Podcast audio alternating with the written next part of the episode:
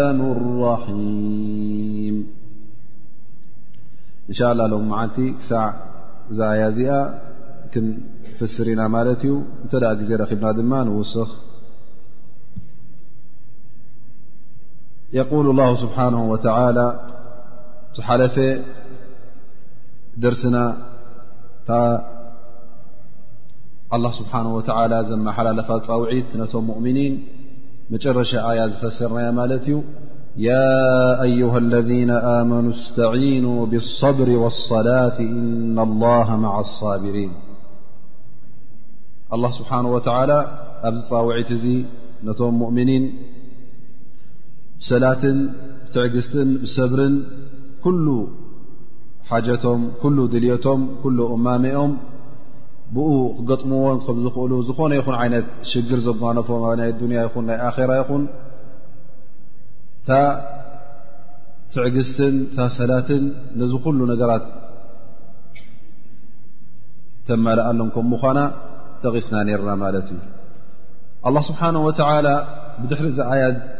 እና ላሃ መዓ ሳብሪን ምስ በለ እውን ኣላ ስብሓን ወተላ ኩሉ ግዜ ምስቶም ትዕግስተኛታት እዩ ምስቶም ትዕግስቲ ዘለዎም ምስቶም ኣላ ስብሓን ወተላ ሰብሪ ዝሃቦም ኩሉ ግዜ ምስኦም እዩ ንኦም ይድግፎምን ንኦም ይሕግዞምን ስ በለ እቲ ሰብሪ ዘድልዮ ቦታታት እቲ ሰብሪ ዘድልየካ ኩነታት ንኡ ክገልፅ ጀሚሩ ኣላ ስብሓን ወተላ መጀመርያ ይብል ኣላ ስብሓን ወተላ ወላ ተቁሉ ልመን ይቕተሉ ፊ ሰቢል ላህ ኣምዋት በል ኣሕያء ወላኪን ላ ተሽዕሩን ኣላህ ስብሓንሁ ወተዓላ እዚ ጉዳይ እዚ ጉዳይ ጅሃድ ፊ ሰቢልላ ክጠቅስ እንከሎ ነቲ ኣብ ሜዳ ኣትዩ ዝቃለስ ዝዋጋ ዝመውት ዝጉዳእ ዝቆስል ንዕኡ ጥራይ ኣይኮነን እቲ ሽግር ዘጓንፎ ብድሕሪኡ እውን ቤተሰብ ኣለዎ ስድራ ኣለዎ ሓው ኣለዎ ሰበይቲ ላቶ ኣቦ ኣለዎ ውላድ ህልዎ ኸውን እሶም እውን እቲ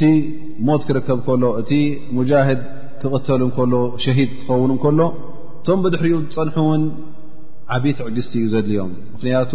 እዚ ሰብ እዚ ሓዎም ነይሩ ዝፈትዎ ሓዎም ዘፍቅርዎ ሓዎም ነይሩ ኸውን ኣብ ርእሲኡ እውን እተ እሱ ዝናብዮምን እሱ ዝኣልዮምን ኮይኑ ነይሩ ብዝያዳ ትሽግር ዓብ ስለ ዝኾነ ነዚ ጉዳይ እዚ ክትሪእዎ ከለኹም በየናይ ዓይነ ክትሪእዎ ከም ዘለኩም ኣላ ስብሓን ወተላ ይሕብረኩም ኣሎ ማለት እዩ ኣዩሃ ልሙእሚኑን ኣንቱም ሙእምኒን ወላ ተቁሉ ልመን ይቕተሉ ፊ ሰቢል ላ ኣምዋት እቲ ኣብ ሰቢል ላ ዝመውት ኣብ ሰቢል ላ ዝቕትል ምዉት ኢልኩም ኣይትቕጠርዎ እንታይ ደኣ ተቐትሉ እንዲ ሞይቱ እንዲ ከመይ ጌርና ሞ ዘይንቖፅሮ ላ ስብሓን ወተላ የደዓዕሶም ኣሎ እቶም ሰብሪ ክገብሩ ከም ዘለዎም ምኽንያቱ እዚ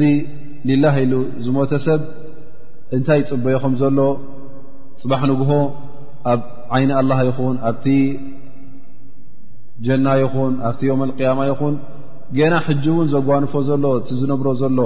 ናብራ ጥዑም ናብራ ከም ምዃኑን ንዕኡ ዝሓይሽ ከም ምዃኑን የዘኻኽረና ኣሎ ማለት እዩ ወላ ተቁሉ ልመን ይቕተሉ ፊ ሰቢል ላ ፊ ሰቢል ላ ክበሃል ከሎ ድማ እቲ ምእንቲ ኣላ ስብሓን ወተላ ምእንቲ ዲን እስልምና ዲን ላ ስብሓን ወተላ ንክቀውም ምእንቲ ኢሉ ትንፋሱ ዘሕለፈ ማለት እዩ ምእንቲ ገንዘብ ኣይኮነን ምእንቲ ሽም ኣይኮነን ምእንቲ ቀቢላ ኣይኮነን ምእንቲ ውሱን ድልት ኣይኮነን ላ ን ምእንቲ መሬት ኣይኮነ ምእንቲ ሓሬት ኣይኮነ እንታይ ደኣ ምእንቲ ኣላ ስብሓን ወላ እዚ ን እዚ እዚ ሃይማኖት እዚ እዚ ዲን እስልምና እዚ ንክኸብር እዚ ን እዚ ከስፋሕፍሕ እዚ ን እዚ ክሕይል እዚ ን እዚ ክዝርጋሕ ኣብ ኩሉ ቦታ ክበፅሕ እንተ ኮይኑ ሊላ ኢልካ እተ ተዋጊእካ እሱኡ እቲ ፊ ሰብልላ ዝበሃል እነቢ ስለ ላ ለ ሰለም እውን ሓቲቶሞ እዮም ያ ረሱላ ላ ኣረጅሉ ይቃትሉ ሸጃዓተን ኣረጅሉ ይቃትሉ ሓምየተን ረል በቢ ዓይነቱ ኣሎ ምክንያቱ ኣብ ኣዱንያ ንሪኦ ዘለና ሓደ ሰብ ኣብ ኩናት ክኣቱ ከሎ በቢ ዓይነቱ ድልት ዘለ ገለ ሰባት ምእንቲ ሓያል ክበሃል ወይ ውን ሞት ኣይፈርህ ንክበሃል ወይ ውን ጎበዝ ንክበሃል ኢሉ ኣብ ኩናት ይኣቱ ማለት እዩ ገለ ሰብ እውን እቲ ኩናት ዝኣትዎ ዘሎ ምእንቲ ቀቢላ ኸውን ቀቢላና ትሓይሽ ዶ ቀቢላኹም ንሕና ዶ ንብርትዕ ንስኹም ንሕና ዶ ንሕይል ንስኹም ወይ እውን እታ ቀቢላ ናቶም ነታ ሓንቲ ቀቢላ ንኽትዕብልልን ንዓ ኣብ ርእሲኣ ሸሸይ ንኸትብልን እዚ ክኸውን ይኽእል ወይ እውን እቲ ኩናት ክኣትዉ ከለኻ ገንዘብ ትረኽበሉ ኩናት ምናልባሽ እንተ ኣብዚ ኩናት ዝኣት መዓርግ ክውስኽ እየ ሽመት ክውስኽ እየ ትብል እተ ኮይንካ ወይ እውን ክህፍትም እየ ንብረተይ ክበዝሕ እዩ ዝብል ሕልና ወይ ስምዒ እተ ኣለካ ወላ እውን እቲ ትገብሮ ዘለኻ ቃልሲ መልክዑ ናይ ጅሃድ ይውሰድ ዳኣ እምበር እንተ ኣብ ልብኻ እዚ ዓይነት ድልት ኣሎ ኮይኑ እቲ ቃልስኻ ሊላህ ኣይኮነን ስለዚ ክትመውት ከለኻ ውን ሸሂድ ኣይትቁፅርን ኢኻ እንታይ ደኣ ምእንቲ ገንዘብ ኢኻ ሞትካ ትቁፅር ፈነቢ ስ ሰለም እዚ ኩሉ ተሓቲቶም እዮም ያ ረሱላ ላ ኣረጅሉ ይቃትሉ ሓምየተን ወረጅሉ ይቃትሉ ሸጃዓተን እዚታት ኢሎም ምስ ሓተትዎ መን እዩሞ ብ ሰቢልላ ዝበሃል ነቢ ስ ሰለ መን ቃተለ ተኩነ ከሊመة ላ የ ልዑልያ ፈወ ፊ ሰቢል ላ እቲ ቃል ኣላ ስብሓነ ወተላ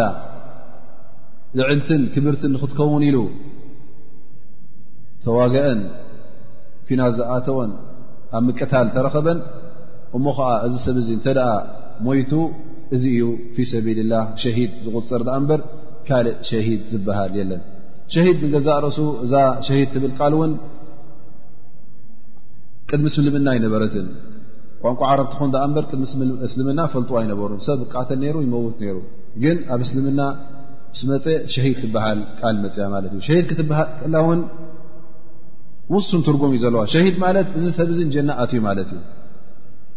ስለዚ ዕለማ ይብሉ ወላ እውን ሓደ ሰብ እናረኣኸዮ ከለኻ ኣብ ጅሃድ እናተዋግኦ ከሎ ጅሃድ እናፈፀመ ከሎ ኣብ ቃልሲ ጅሃድ እንከሎ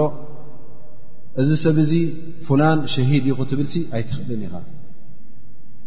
ምኽንያቱ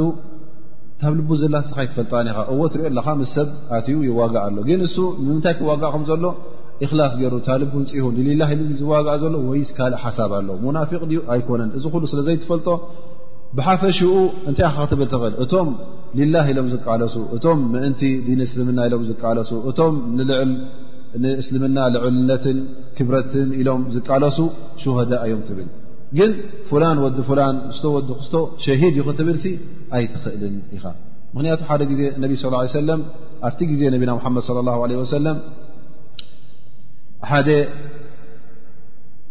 ኣብቲ ዓውዲ ኩናት እንተረኣይዎ ንየማን ንፀጋም እናበለ ነቲ ይቀትል ነቲ ይሃርም ብዓብዪ ትብዓት ይቃለስ ነይሩ ማለት እዩ ፈቶም ኣስሓብ ነቢ ስ ሰለም ነቲ ተግባር ምስ ረኣዩ እዚ ሰብኣይዚ ክንደይ ይነፍዕ ክንደይ ብርትዕ እዚ ኩሉ ሊላ ኢሉ ይዋጋ ኣሎ ከይፈረሀ ከየበለ እሞ እዚ እንተ ደኣ ሎም መዓልቲ ቀትሉስ ሸሂድ እዩ በዓር ኢሎም ክዛረቡ ጀሚሮም ማለት እዩ ፈነቢ ስ ሰለም ኢልዎም እዚ ሸሂድ ኣይኮነን ካብቶም ኣህል ጀሃንም እዩ ይብሉ ማለት እዩ ኣስሓብ ነቢ ስ ሰለም ተገሪሞም ከመይ ገይሩ ኣ እዚ ዘይኮነ ሸሂድ ኣመን ኣ ክኸውን እዩ ንሕና ስቑልና ኣብ ርሑቕ ዘለና ና ክኸውን ማለት ኢሎም ኣሸጊርዎም ማለት እዩ ዝጉዳይ ሓደ ካብቶም ኣስሓብ ነቢ ስ ሰለም ኣኪድ እዚ ጉዳይ ዚስ ብርግፅ ገለ ነገር ኣለዎ እበር ነቢ ስ ሰለም ከምዚ ኢሎም ኣይምተዛረቡን ኢሎም ነዚ ሰብ እዚ ሓደ ሕጂ ካብቶም ኣስሓብ ነቢ ስ ሰለም ይከታተሎ ማለት እዩ ይርኦ ኣሎ ይዋጋእ ይቀትል ይቀትል ይዋጋእ ይሃርም ይህርም ኣብ መጨረሻ እቶም ፀላእቲ ይሃርምዎ ማለት እዩ ሳረምዎ ኣይቀተልዎን ግን ቆሲሉ ማለት እዩ ተጎዲኡ እዚ ሰብ እዚ እቲ ማህረምቲ ወይ ከዓ እታ መቑሰልቲ ስለ ዘሕመመቶ ስለ ዝበርትዓቶ ነዚኣ ጉዳይ እዚኣ ትዕግስቲ ሊላ ኢሉ ነይሩ እቲ ቃልሲ ትኸውን ትዕግስቲ ገይሩ ክንዲ ዝቕበላ እንታይ ገይሩ ሞት ተሃዊኹ ነዛ ሴፉ ኣምፅ ኣቢሉ ቁልቁል ኣፋ ተኽላ ማለት እዩ እቲ በሊሕ ንላዕሊ ገይሩ እቲ መትሓዚኡ ንታሕቲ ገይሩ ኣብዛ ኣፍልቡ ይተኽላ እሞ ኣብኣ ይድቅስ ማለት እዩ ብሕቆኡ ትወፅእ እንታይ ኮይኑ ሞይቱ ማለት እዩ እዚ ሕጂ ቃትለ ነፍስ እዚ ኩሉ ገይሩ እዚ ሉ ተቓትሉ እዚ ኩሉ ተቓሊሱ ኣብ መጨረሻ ብምንታይ ኣበላሽዋ ማለት እዩ ነፍሱ ቀትሉ ማለት እዩ ነፍሱ ዝቀተለ ድማ ሓዊ ጀሃንም እዩ ጀዛ ናቱ ስለዚ እስኻ እዚ ፍላን እዚ ሸሂድ ዩ ክትብሎ ንገዛእ ርእሱ ኣይትኽእል እታ ሸሂድ ንገዛእ ርእሳ እንታይ ትምስክር ኣለኻ ማለት እዩ ኣህልጀና ምኳኑ መስኪርካሉ ማለት እዩ ነቢ ስ ላ ሰለም ዝመስከረሎም እተ ኮይኖም ፍላን ሸሂድ ፍላን ሸሂድ እዚ ፍላን ኣህልጀና እተ ኢሎም ኮይኖም ከይፈራህካ ሸሂድ እዩ ክትብል ትኽእል ኢኻ ማለት እዩ እዚ እቲ ቐንዲ ሸሂድ ማለት እዩ እቲ ፊ ሰቢልላ ዝበሃል እቲ ኣብ ኩና ዝርከብ ካልእ ዓይነት ሸሃዳ እውን ኣሎ ምናልባሽ ሓደ ሰብ ኣነቢ ስ ሰለም እዚ ጥራይ እተ ኮይኑ ሰብላ ዝመውት ሸሂድ እዘን ሸሃዳ እመት ቀሊል ኢሎም ግን ቅድሚ ሕጂ እውን ጠቂስና ርና ማለት እዩ ኣልሪቁ ሸሂድ ወልመብጡን ሸሂድ ዝብል ሓዲስ ጠቒስና ነርና ማለት ብኣብ ማይ ጠሊቑ ኣብ ባሕሪ ይኹን ኣብ ዝኾነ ይኹን ማይ ጠሊቑ ጥሒሉ ብድንገት ዝሞተ ወይ ውን ሓዊ ወይ ውን ብሓዊ ወይ ውን ብገዛ ፈሪስዎ ወይ ሓሚሙ ሕማም ሓደ ዓይነት ሕማም ጠቒሶም ነሮም ኣልመብጡን ኣብ ከብድኻ ዝመፅእ ሕማም ብሰንኩ እንተ ሓሚምካ ውን እዚ እውን ሸሂድ ኢሎም ነቢ صለ ه ለ ሰለም ጠቒሶም ነሮም ሞ ከመይ ገይሩ እዚ ሸሂድ ኮይኑ እዙ እታ ሸሂድ እቲኣ እቲኣ ተፈላለያ ማለት እዩ እዚ ሸሃዳ ዝወሃብ ዘሎ በቲ ዝረኸቦ ድንገት በቲ ዝረኸቦ ሽግር ኣላ ስብሓን ወተላ ከም ሸሂድ ቆፂርዎ ማለት እዩ ግን እቲ ሸሂድ ቀንዲ ሸሂድ ኣስሊ ሸሂድ ዝበሃል እቲ ምእንቲ ኣላ ስብሓን ወተላ ፊ ሰቢል ላህ ኣብ ዓውዲ ኩናት ዝመውት እዩ ኣላ ስብሓን ወተላ ነዞም ሙእምኒን ነቶም ድሕሪ እዙ ሰብ ዝተርፉ ሰብሪ ንኽቦም ትዕግስቲ ንኽረኽቡ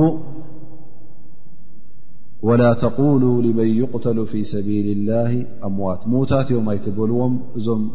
ቅድሜኹም ሓሊፎም ዘለዉ እቶም ፊ ሰቢል ላ ዝመቱ እንታይ ደኣ በል ኣሕያእ ብህወቶም እዮም ዘለዉ ኣይመቱን ወላኪን ላ ተሽዕሩን ግን ኣይፍለጠኩምን ይስኹም ምክንያቱ ንሕና ኩሉ ነገር ኣይኮናን ንራኽበሉን ንፈልጦን ኣላ ስብሓን ወተላ ብዝያዳ ካባና ፈልጥ ነቶም ሽሃዳ እተወሰነ ፍልይ ዝበለ ኣጅሪ ፍልይ ዝበለ ሞሳ ፍልይ ዝበለ ክብረትን ፍልይ ዝበለ ልኡልነትን ሂብዎም እዩ ማለት እዩ ምክንያቱ እዞም ሰባት እዚኦም ንኣላ ስብሓን ወተላ ነቲ ዲን እስልምና ስለ ብዝያዳ ካብ ሩሖም ዝፈተውዋ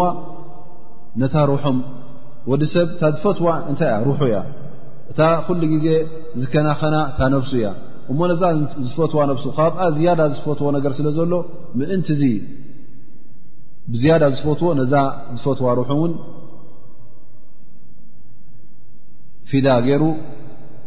በጃ እስልምናን በጃ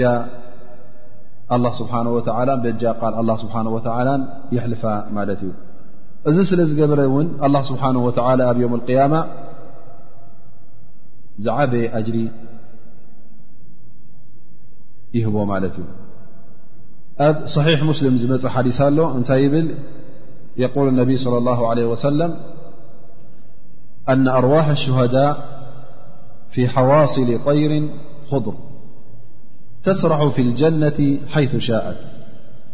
ثم تأوي إلى قناديل معلقة تحت العرش فاطلع عليهم ربك اطلاعة فقال ماذا تبغون فقالوا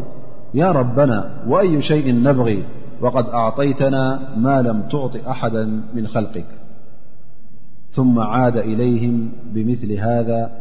فلما رأوا أنهم لا يتركون من أن يسألوا قالوا نريد أن تردنا إلى الدار الدنيا فنقاتل في سبيلك حتى نقتل فيك مرة أخرى وذلك لماذا لما يرون من ثواب الشهادة فيقول الرب جل وعلا إني كتبت أنهم إليها لا يرجعون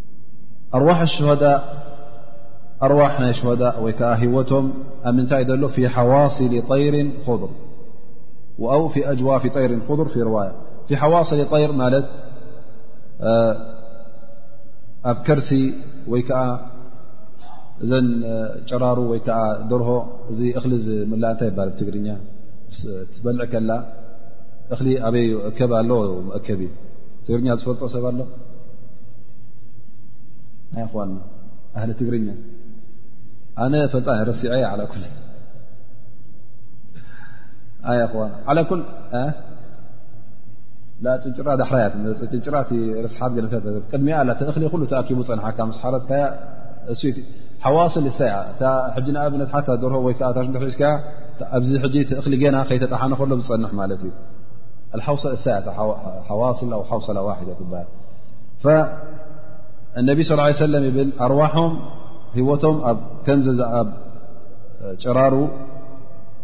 ቀጠልያ ጨራሩ ኣርዋሖም ልክዕ ኣብተን ቀጠልያ ጨራሩ ኣብ ሓዋስም ናተን ይእከብ ማለት እዩ ኣብቲ መእከብ እኽልናተን እቲ ኣርዋሕ ናቶም እውን ኣብኡ ይእከብ እዘን ጨራሩ እዚአን እንታይ ገብራ ኣብ ጀና ላዕልን ታሕትን ይብላ ማለት እዩ ኣብ መጨረሻ እውን ኣበይ ይኸዳ ኣርዋሖም ተሰኪመን ማለት እዩ ኣብ ትሕቲ ዓርሽ ኣላ ስብሓን ወተላ ቀናዲል ቀናዲል ማለት ከምዚ ፋኑስ ማለት እዩ ኣብ ትሕቲ ዓርሽ ኣላ ስብሓን ወተላ ልክዕ ከምዚ ፋኑስ ተንጠልጠለሎ ሞኒ ኣብኡ የዕርፋ ፈሂወቶም ሕጂ ከምዚ እዩ ዘሎ ካብ ኣዱንያ ወፅኦም እዮም ዘለዉ ግን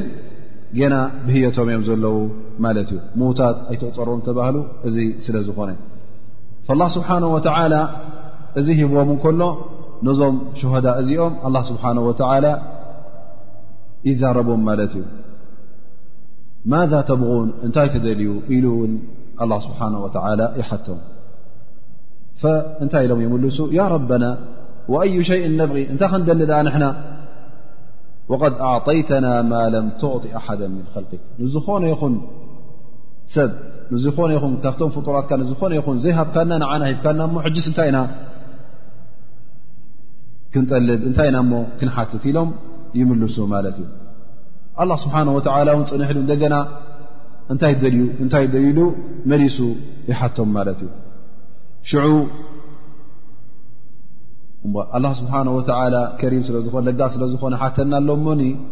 ንሕና ናይ ግዴታ ኩሉ ግዜ ክንሕተት ስለ ዝኾና እንታይ ከም ዝደል እንታይ እኒያና ወይ ከዓ ትምኒትና ንኣላ ስብሓን ወተላ ነቕርበሉ ኢሎም ትምኒቶም የቕርቡ ማለት እዩ እንታይ እዩ ትምኒቶም እዞም ሰባት እዚኦም እዞም ምእንቲ ኣላ ኢሎም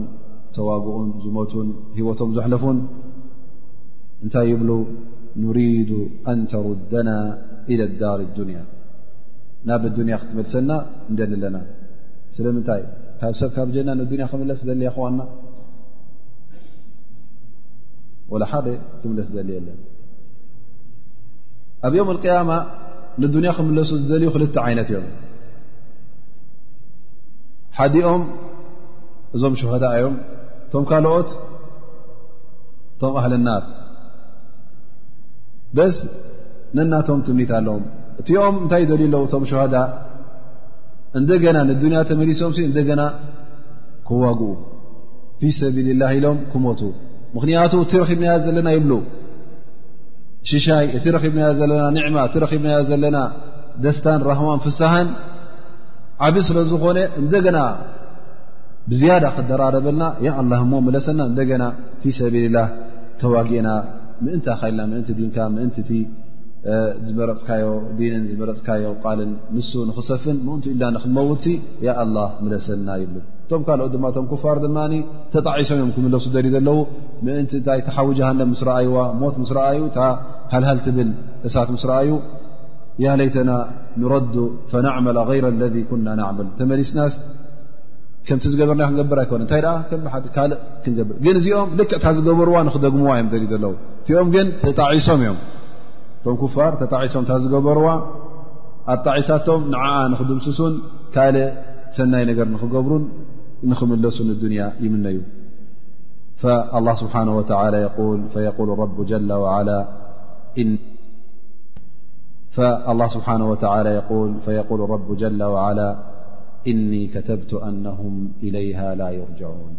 ኣነ እዛ ጉዳይ እዚኣ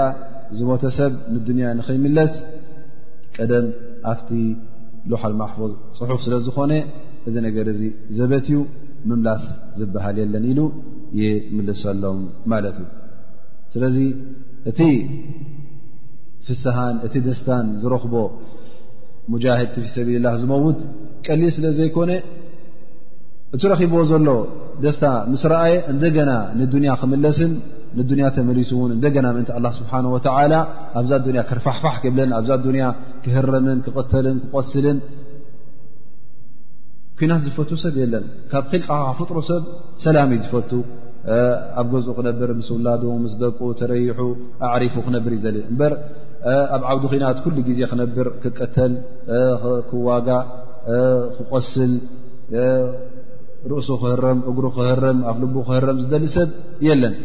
ግን ኣብ ዮም ያማ እቶም ሙጃሂዲን እቶም ላ ኢሎም ዝሞቱ እዚ ጉዳይ እዚ ክርእዩ ከለዉ ነዚ ሓያት እዚ ነዚ ናብራ እዚ ይምነይዎ ምኽንያቱ ትናቱ ትርፍን ትናቱ ህያብን ምስ ኣላ ስብሓን ወተላ ዝፀንሕ ኣጅርን ዓብ ስለ ዝኾነ እዚ ምስ ጠቐሰ እንደገና ውን ኣላ ስብሓን ወተላ እቲ ሰብሪ ዘድልዮ ጉዳያት ውን ይጠቅስ ማለት እዩ እዛ ኣዱንያ ነብራ ዘለና ናይ ኩሉ ግዜ ናይ ምርምራን ናይ ፈተናን ኣዱንያ ከም ምዃና ኣብዛ ኣዱንያ ድማ እንተ ደኣ ኩሉ እቲ ዘጓንፈካ ዕንቅፋት ዘጓንፈካ ሽግራት ኩሉ እቲ ዘጓንፈካ ኣብ ሂወትካ ጉዳያት እንተ ደኣ ብሰብርን ብትዕግስትን ሰጊርካዮ መጨረሽትኡ ኼርን ሰናይን ከም ምዃኑ ኣላ ስብሓን ወተዓላ የዘኻኽረካ ኣሎ ማለት እዩ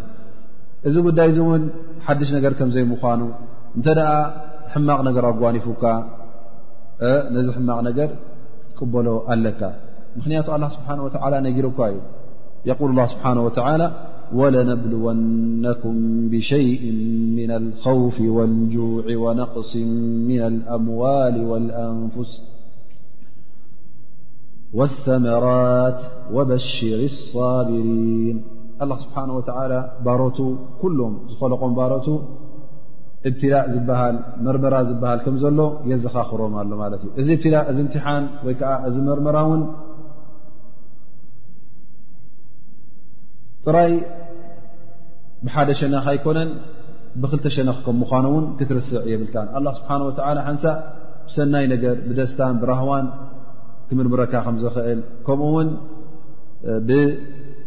ጉድኣት ወይ ከዓ ብሽግር ብሕማቕ ናብራ በብ ዓይነቱ ጉድለት ናይ ገንዘብ ይኹን ጉድለት ናይ ሃብቲ ጉድለት ናይ ነፍሲ ማለት ካብ ስድራኻ ዝሞቱኻ ክህሉ ይኽእል እዩ ስለዚ እቲ እብትላእ ዝመፀካ እውን በብ ዓይነቱ ከም ምዃኑ ክትዝክር ኣለካ ላ ስብሓን ወተላ እዚ እብትላእ እውን ኩሉ ግዜ ቀፃሊ ከም ምዃኑ ኣብ ሓንቲ ኣያ ጥራይ ኣይኮነን ኣብ ብዙሕ ኣያታት እውን ጠቂስዎ እዩ የቁል ስብሓን ወተላ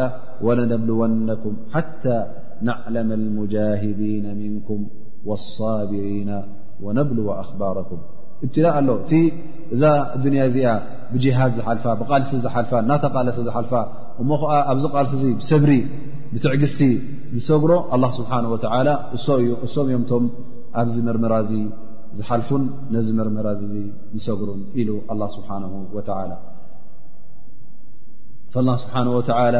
ኣብዚ ኣያ እዚኣ ክጠቅስ እንከሎ ወለነብልወነኩም ብሸይ ምና ልኸውፍ ብኩል ልከውፍ ኣይበለን እንታይ ደኣ ብሸይ ምና ልኸውፍ ገለ ካብቲ ፍርሃት ዝበሃል ካብ ፀላእ ትፈርህ ወይ እውን ካብ ሓያል ሰብ ትፈርህ ወይ እውን ዝኾነ ዓይነት ፍርሃት ኣሎ መቸም ወላ እውን ካብ እንስሳ ን ትፈር ምናልባሽ እተ ኣብ ገጠር ትነብር ኮንካ ኣብ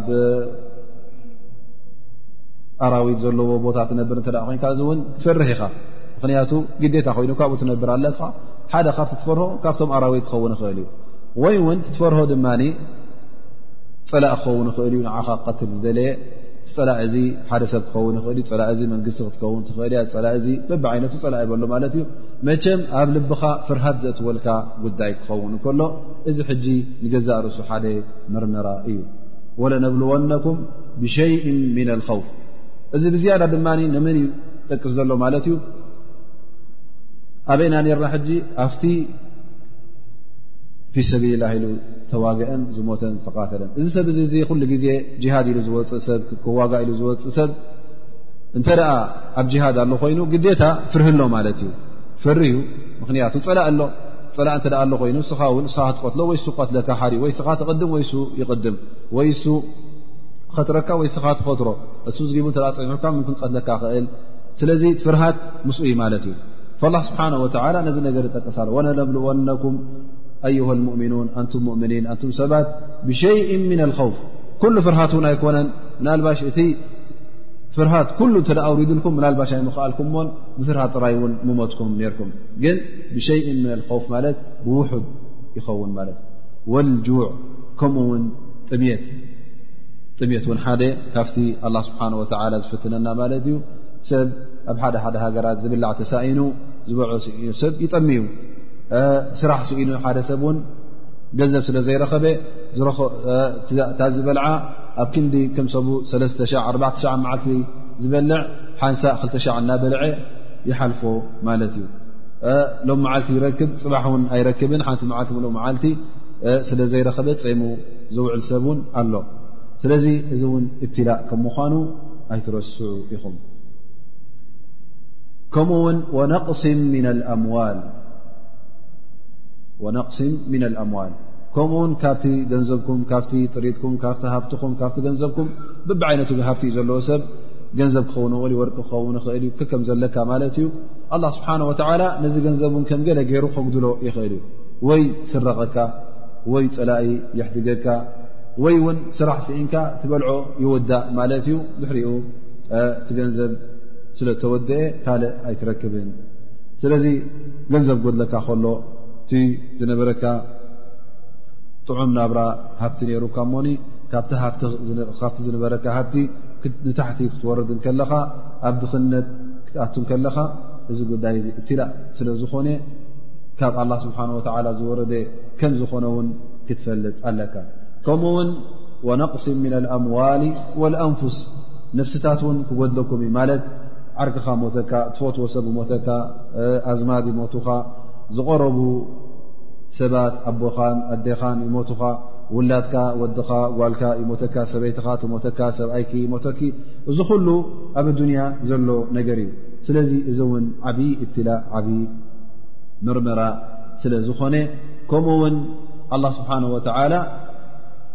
ነቕሲን ጥራይ ኣብ ነፍሲ ኮነን ወነቕሲ ምን ኣመራት ተመራት እውን ኩላህና ዘድልየና ማለት እዩ ተመራት ማለት ዝበቁል ማለት እዩ ወዲ ሰብ ድማ ኩሉ ዝበልዖ ነገር ካብ ምንታይ እዩ ዝበልዕ ካብ መሬት ዝወፅእ እእኻል እኽሊ ምኽሊ ፍሩታ ከምዚ ዝኣመሰለ ኣላ ስብሓን ወተላ ብዘውረዶ ማይን ዝበቆለ እዩ ዝበልዕ ሓደ ሓደ ግዜ ጥሜት ይመፅእ ወይ ከዓ ማይ እንተ ውሒዱ እኽሊ ይውሕድ ማለት እዩ እኽሊ ይውሕድ ወይ ፍሩታ ውሕድ ዝብላዕ ነገር እውን ይውሕድ ማለት እዩ ትበልዖ ትስእል ማለት እዩ ገንዘብ እንከለካን ወርቂ እንከለካን ኣላ ስብሓን ወተላ እንተ ደርቂ ውሪዱላ ዓዲ እተ ደሪቓ ማይ ተኣ ዘይወቕዐ ወርቂ ኣይዝራእ ኣይብላዕ እንታይ ደኣ መግዚ እዩ እተ ዘየ ለ ኮይኑ እቲ ወርቂ ሒዝካዮ ክትመውት ውን ትኽእል ኢኻ ስለዚ ኣላ ስብሓን ወተላ እዚ ሰምራት እዚ እውን ሽሻይ ኣላ ስብሓን ወተላ ፀጋ ኣላ ስለ ዝኾነ ምናልባሽ እዚ እውን ኣላ ስብሓን ወተላ ንቕፀት ድርቅን እንተ ኣምፅኡ ክጠፍእ ስለ ዝኽእል እዚ እውን እተ ጠፊኡ እተ ዘይተረኽበ ኢብትላእ ምዃኑን መርመራ ምዃኑን ክትፈልጥ ኣለካ እዚ ኩሉ ነገር እንተ ደኣ ተረኺቡ እንታይ እዩ ዘድሊ ኣላ ስብሓን ወተዓላ ነዛ ኣያ እዚኣ ከመይ ገይሩ ይጭርሻ ማለት እዩ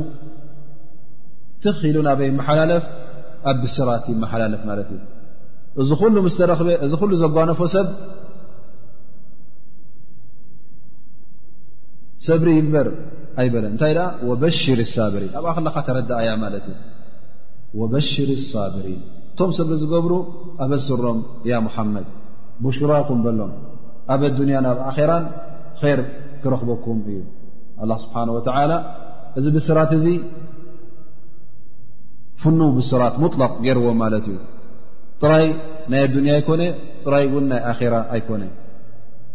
እንታይ ደኣ ኣብ ኣዱንያን ኣብ ኣኼራን እዩ ዝረኽቦ ዓስቡ ማለት እዩ እቲ በዓል ሰብሪ እቲ በዓል ትዕግስቲ ኣላ ስብሓን ወተላ ኣበሲርዎ ኣሎ እዚ ብስራት እዚ እውን ብናይ ኣዱንያ ጥራይ ኣይኮነን ብናይ ኣኼራ ጥራይ እውን ኣይኮነን እንታይ ደኣ ንኹሉ ዘማለ እዩ እዞም ሳብሪን መን እዮም ወበሽር ሳብሪን ክብል እንከሎ ኣላ ስብሓን ወተላ እቶም ሳብሪን ዝበሃሉ ንዕኦም ይገልፀልና ማለት እዩ መን እዮም እዞም ሳብሪን እታ ኣይ ኣብ ትሕሪያ ዝመፅ ዘላ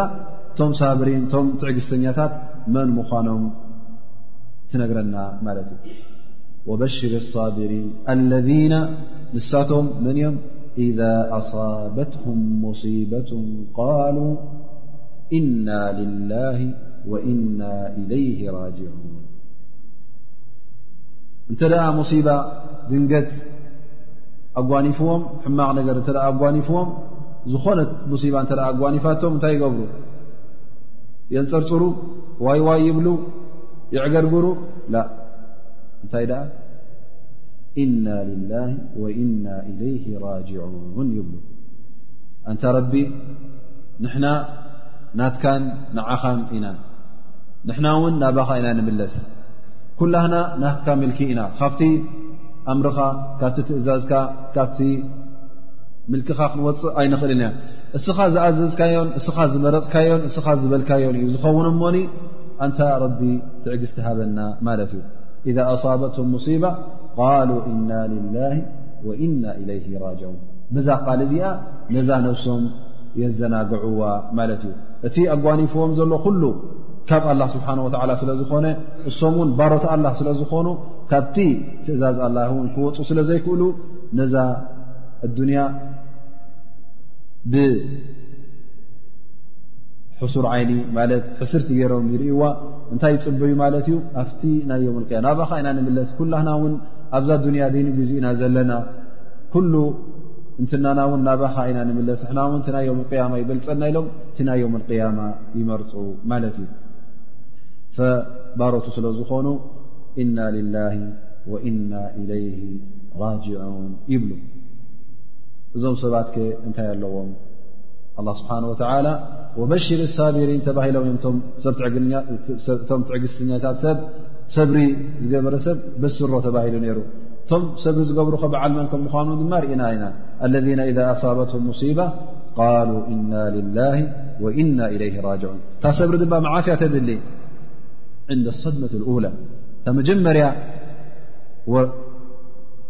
ኸበር ክመፀካ እንከሎ ወይ ከዓ መጀመርያ ክትሰምዓ ከለካ እታ ሙሲባ ሰዓ እያ ተድልየካ ዳኣ እምበር እንተ ደኣ መጀመርያ ምስ ሰማዕካዮ ድላይካ ኣንፀርፅርካ ድላይካ ተዛሪብካ ዳሕራይ ድሕረ ክልተ መዓልቲ እና ሊላ ወኢና ኢለይ ራጅዑን ትብል ናብ ረቢ ክምለስ ሕጅስ ትብል እዚ ሰብሪ ይኮነን ሰብሪ ዝገበር ሰብ ምስ ረስዓካ ኣ እንታይ ሰብሪ ተረሲዑ እንዲ ሕጂ ዳኣ ኩሉ ሰብ ምስ ረስዐ ሰብሪ ክገብር እዩ ሓደ ግዜ ነቢ صለ ላه ለ ወሰለም ምስ ሰሓባ ምስቶም ብፆቶም እና ሓለፉ ከለዉ ሓንቲ ሰበይቲ ኣብ ቀብሪ ኮይና ክትበኪ ከተዕገርግር ሪኦማ ማለት እዩ ሸዓ ተቐቢሩ ማለት እዩ ትቆልዓ ወዳ ማለት እዩ ፍሕጂ ነቢ ስ ሰለም ብኣ ክሓልፉ ከለዉ ያ ኣመት ላ ሰብሪ ግበሪ ትዕግስቲ ግበሪ እና ላ ወና ለ ራጅዑን ኢሎም ኢለ ይዛረብዋ ማለት እዩ እሳ ነቢ መሓመድ ስ ሰለ ምኳኖም ኣይፈለጠትን ብድሕሪኣ ኮይኖም እዮም ዛሪቦማ ማለት እዩ እሳ ብ እቲ ጉዳይ ናታ ሸጊርዋ ስለ ዝነበረ ዋይ ዋያ ትብል ዘላ ማለት እዩ ከምዘና ኣንስትና ነረን ከምአን እውን ሰብሪ ግበሪ ስትቕፋር ግበሪ ትብላ ሸይጣን ዓውዙ ትብላ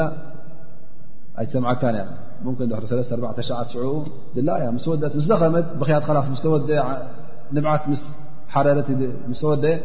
ዝተቕፍሩላ ትብል ዓውዙ ቢላ ሸጣን ረጅም ክትብል ትጅምር ማለት እዩ ድላ ምስ ገበረት እሞ ርእሳ ምስ ነፀየት እንታይ ፋይዶ ስለዚ ኣነቢ ስለ ላ ሰለም ነዛ ሰብ እዚኣ ከምዚ ዝበልዋ ኢለይካ ዓኒ ፈኢነከ ለም ትሰብ ብሙሲበቲ ወይ ከዓ ከማ ል ማለት ሰዑልካይ ትዛ ከምዚ ትበለ ስኻ ንዓይ ጓኒፉኒ ዘሎ ንዓይ ረኪቡኒ ዘሎስ ኣይፍለጥካዮን ኣለኻ ቀሊል መዓዝ ኮይኑ እስኻ ኹም ትረክበካ ከምኡ ይበርካን ማለት እ ተዛሪባ ማለት እዩ ፈነቢ ስ ሰለ ከምዚ ዝበለቶም ገዲፎማ ይኸዱ ማለት እዩ ገዲፎማ ምስ ከዱ እቶም ድሕሪኦም ዝመፁ ዶምሩ ኣስሓብ ነቢ ይመፁ ማለት እዩ ኣንቲ ከምትክ ትዛረቢ መን ከም ተዛረቢ ክትፈልጥ ዲኸ እንድዒ ይፈለጠን እዮ እነቢ ስ ሰለም ኮ ይመፅኡ ነሩ ከምዚ ተዛ ሕጂ ሰንቢዳ ማለት እዩ ናብ ልባ ተመሊሳ ማለት እዩ ሕጂ መፅያ ና ረሱል ላ ስ ሰለም ያ ረሱሉ ላ ኢኣኸ ኣይፈለጥኩኻን ያ ረሱላ ስኻ ይመሰለኒ ኢላ እዕትዛር ክትቅድም ወይ ከዓ ኣይትሓዘለይ ክትብል ጀሚር ነቢ ስ ሰለም እነ ኣሰብሩ ዕንደ ኣሰልመት ልኡላ ሰብሪ ዝበሃል ትዕግስቲ ዝበሃል እታ መጀመርያ ሰድማ ወይ ከዓ ድንገት ከጓንፈካ ከሎ ወይ ከዓ ንኻ ክጓንፈካ ከሎ ወይ ከዓ ክትሰምዖ ከለኻ ማለት እዩ እተ ኣጓኒፉካ ንኻ ወይ እውን እተ ወረ ናይ ሞት ኮይኑ ገለ ሸዓ ክትሰምዐ ከለኻ ሸዓ እተ መጀመርያ ገጥ ኢልካ ሰብሪ ተዘይገበርካ ሰብሪ ኣይበሃልን እዩ ኢሎም ነቢና ሓመድ ስ ሰለም ጠቂሶም ስለዚ እዚ እቲ ጉዳይ ዳኣ እምበር እተ ድሕሪ ሰለስተ መዓልቲ ድሕሪ ሰዓታት እተ ስተቕፍሩላ ኢልካ ወይ እና ላ እና ለ ራጅዑን ኢልካ ሰብ ጌርካ ይትቁፅር ኢኻ ምኽንያቱ እቲ ዝግበር ጌርካ ኢኻ ዝበሃል ኢልካ ኢኻ እቲ ኣብ መንጎኻ ናብ መንጎ ሰብ ዘይገብር እዳ ፍልልይ ኣበይ ኣሎ ማለት እዩ ስለዚ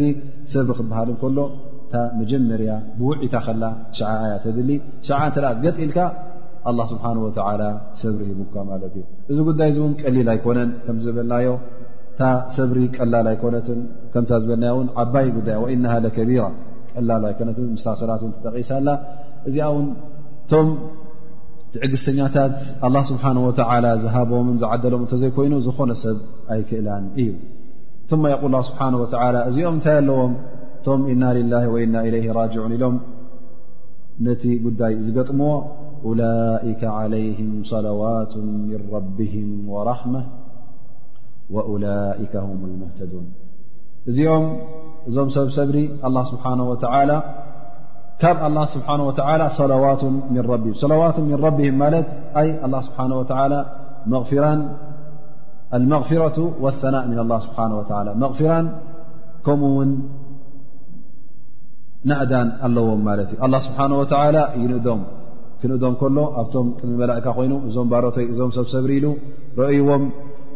እዚ ኩሉ ኣጓኒፎ ከሎ እዚ ኩሉ ሽግር ኣጓኒፎ ከሎ እዚ ባርያይ ረኣይዎ በዓል ር እዩ ረኣይዎ በዓል ሰራሕ እዩ ንዓይ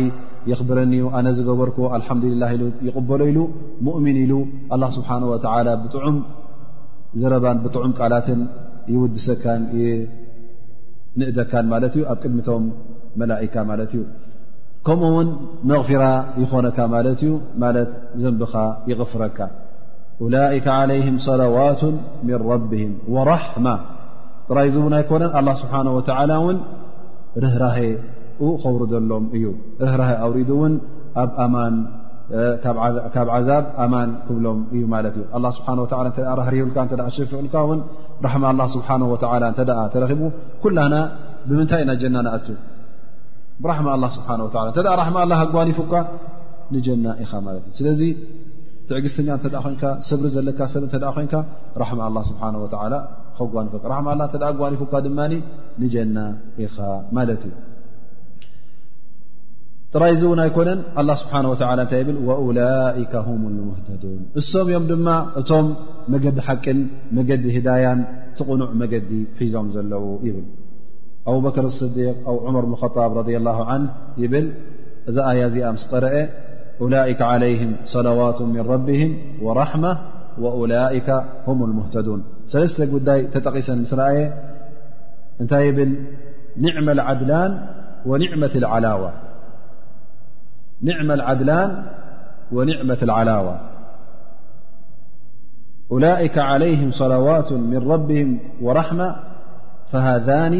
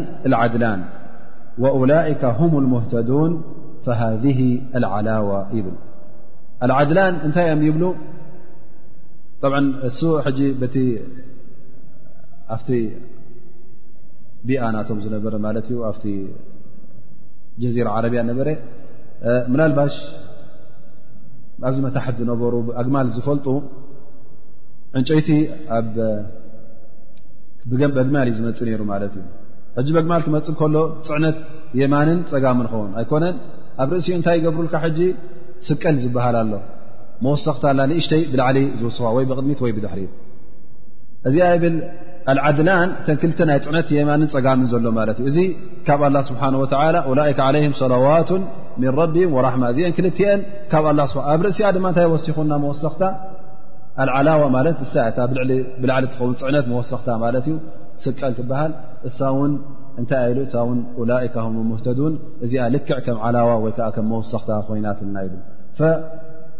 ኒዕመት ዓላዋ ወኒዕመት ዓድላን ይብል ዑመር እብን ጣብ ረድ ላ ን ምክንያቱ እቶም ሰብሪ ዝገብሩ እቶም ትዕግስተኛታት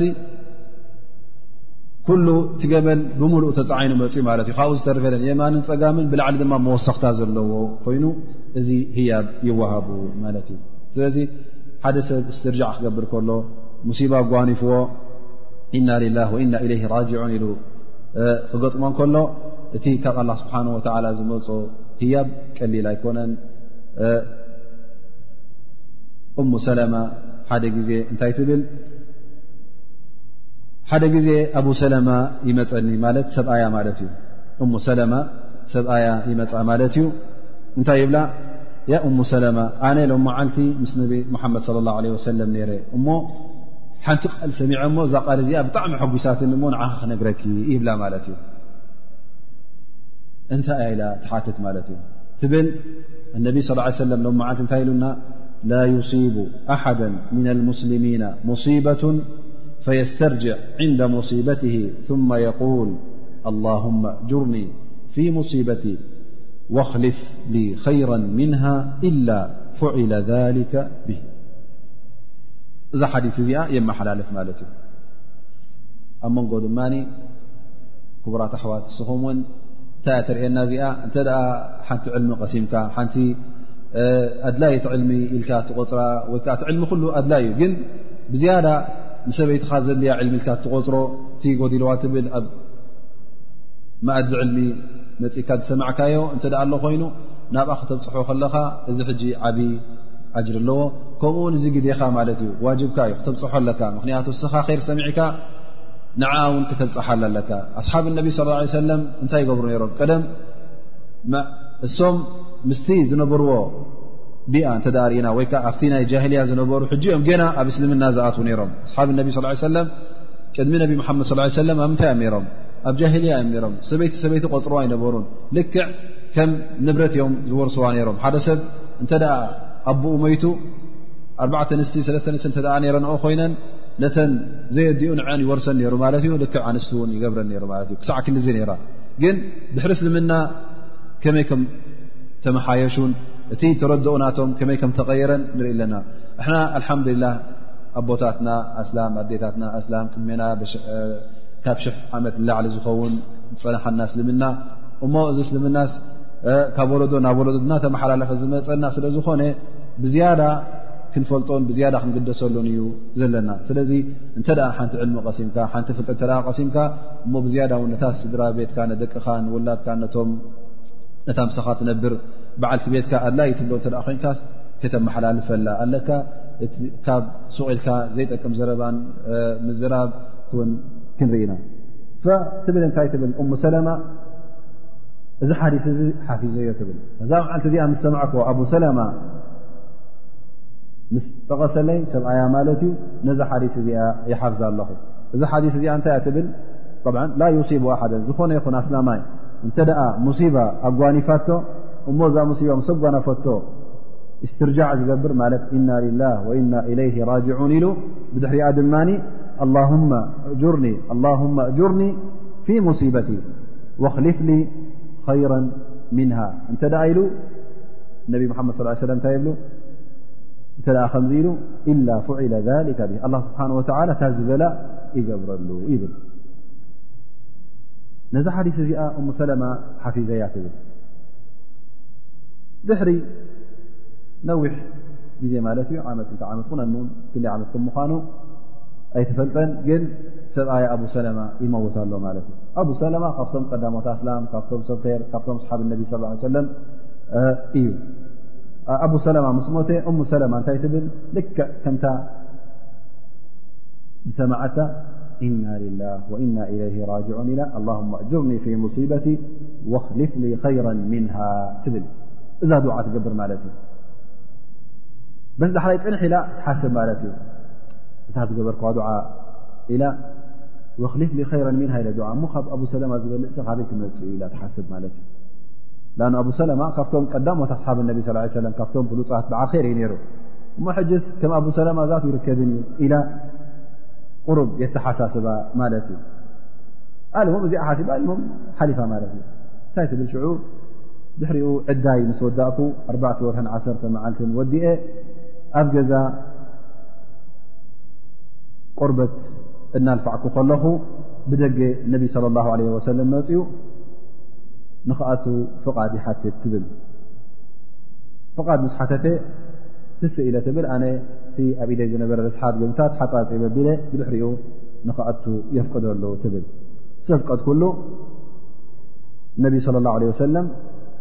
ኮፍ መበሊ መተርኣስ ኣቕሪበሉ ማለት እዩ እዚ መተርኣስ እዚ ድማ እንታይ ነይሩ ትብል ዊሳዳተ ቁዱም ሓሽውሃ ሚሊ እታ ዊሳዳ ወይከዓ እታ ኮፍ ዝበለላ ኮፍ መበሊት ወይከዓ ከም መተርኣስ ማለት እዩ እንታይ እያ ነይራ ብቆርበት ተሰራሐት ውሽጣ ድማ እንታይ እያ መሊኣ ብሊፍ ተመልአት ማለት እዩ ስለዚ ኣነቢ ስ ሰለ እውን ኣብኣ ኮፍ ከም ዝበለ ትጠቅስ ማለት እዩ ፈቃዓደ ዓለይሃ ኣብኣ ኮፍ ኢሉ ተዛሪብዋ ማለት እዩ እም ሰለማ ኢልዋ ዕዳ ክወዲእኪ ስለዚ ኣነ ድማ ድልት ስለ ዘለኒ ንዓኸኒ ክምርዓወኪ እደሊ ኣለኹ ኢሉ ይኸጥባ ማለት እዩ ፈለማ ፈረغ ምን መቃለት እዚ ተዛሪቡ ምስ ወደአ ያ ረሱል ላ ትብሎ ኣነ ንዓኻ ፀሪኤ ኮንኩን ንዓኻ ውን ባዕልኻ ክምርዓወኪልካ ትዛረበኒ ዘለኻ ድልት ኣለኒ ንክምርዓወካ ግን ኣነ ሽግር ኣለኒ ትብል ኣነ ቐዳማይ ነገር ቀናእ ሰበይቲ እየ ቀናእ እየ ትብል ማለት እዩ ላኪን እምረኣት ረት ሸዲዳ ብጣዕሚ ቐና እየ ኣነ ኣዝየ ቐናእ ስለ ዝኾንኩ ያ ረሱላ ላ እሞ ምናልባሽ ገለ ዘረባ ገለ ነገር ካባይ እንተወፅኡ ፅባሕ ንግሆ ብሰንኪ ዘረባ እዚ ንዓኻ ተዛሪበ ወይ ከዓ ነተን ኣንስትኻ ንዓኻ ይኹን ጎዲኤ እሞ ዘንቢ ከይፀሓፈኒ ፅባሕ ንግ ብኣ ስቓይ ከይወረደኒ ብኣ ከይዕዘብ ግደፈኒ ከምኡ ውን ኣብ ርእሲኡ ኣነ ዓብየ ቆልዑት ውን ኣለዉኒ ስለዚ ያ ረሱላ ላ ማዕለሽ ኢላ እቲ ሕቶናቶም ክትመልሶ ትጅምር ማለት እዩ ፈነቢ ስ ሰለም ይብላ ኣማ ማ ዘከርቲ ምና ኣልራ ፈሰውፈ ዩዝሂቡሃ ላ ዘ ወጀል ዓንክ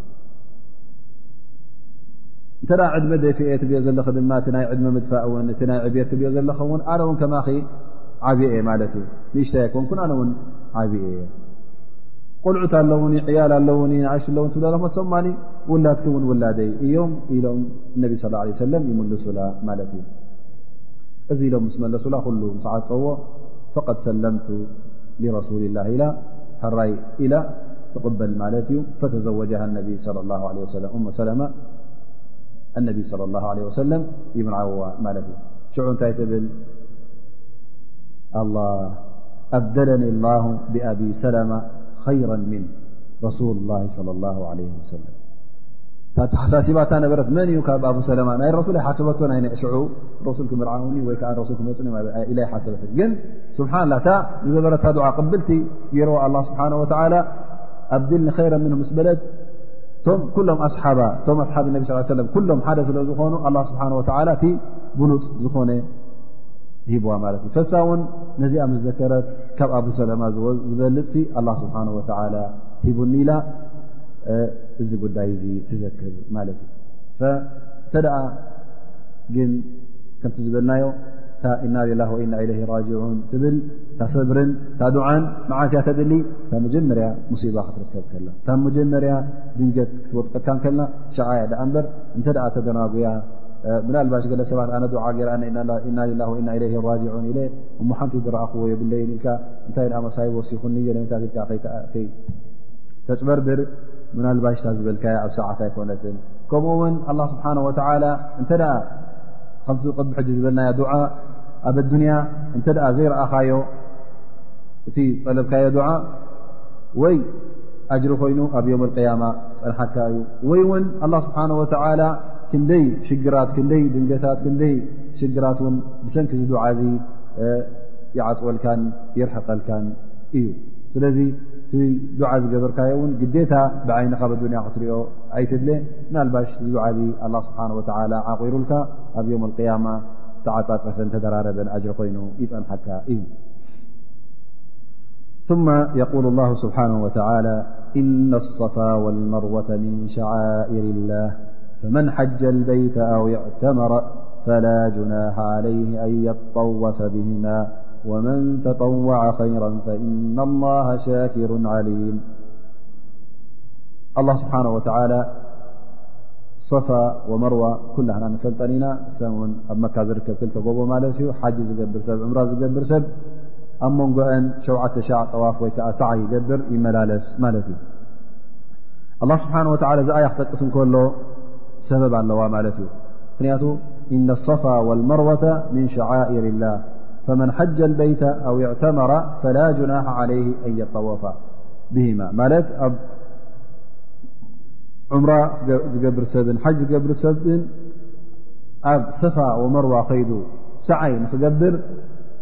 ኣበር የብሉን ኢሉ ኣላ ስብሓን ወተላ እዛ ኣያ እዚኣ የውርድ ማለት እዩ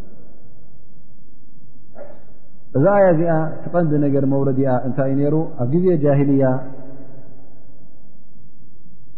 ኣብ ሰፋ ኢሳፍ ዝበሃል ሰነም ወይ ምስሊ ነይሩ ማለት እዩ ኣብ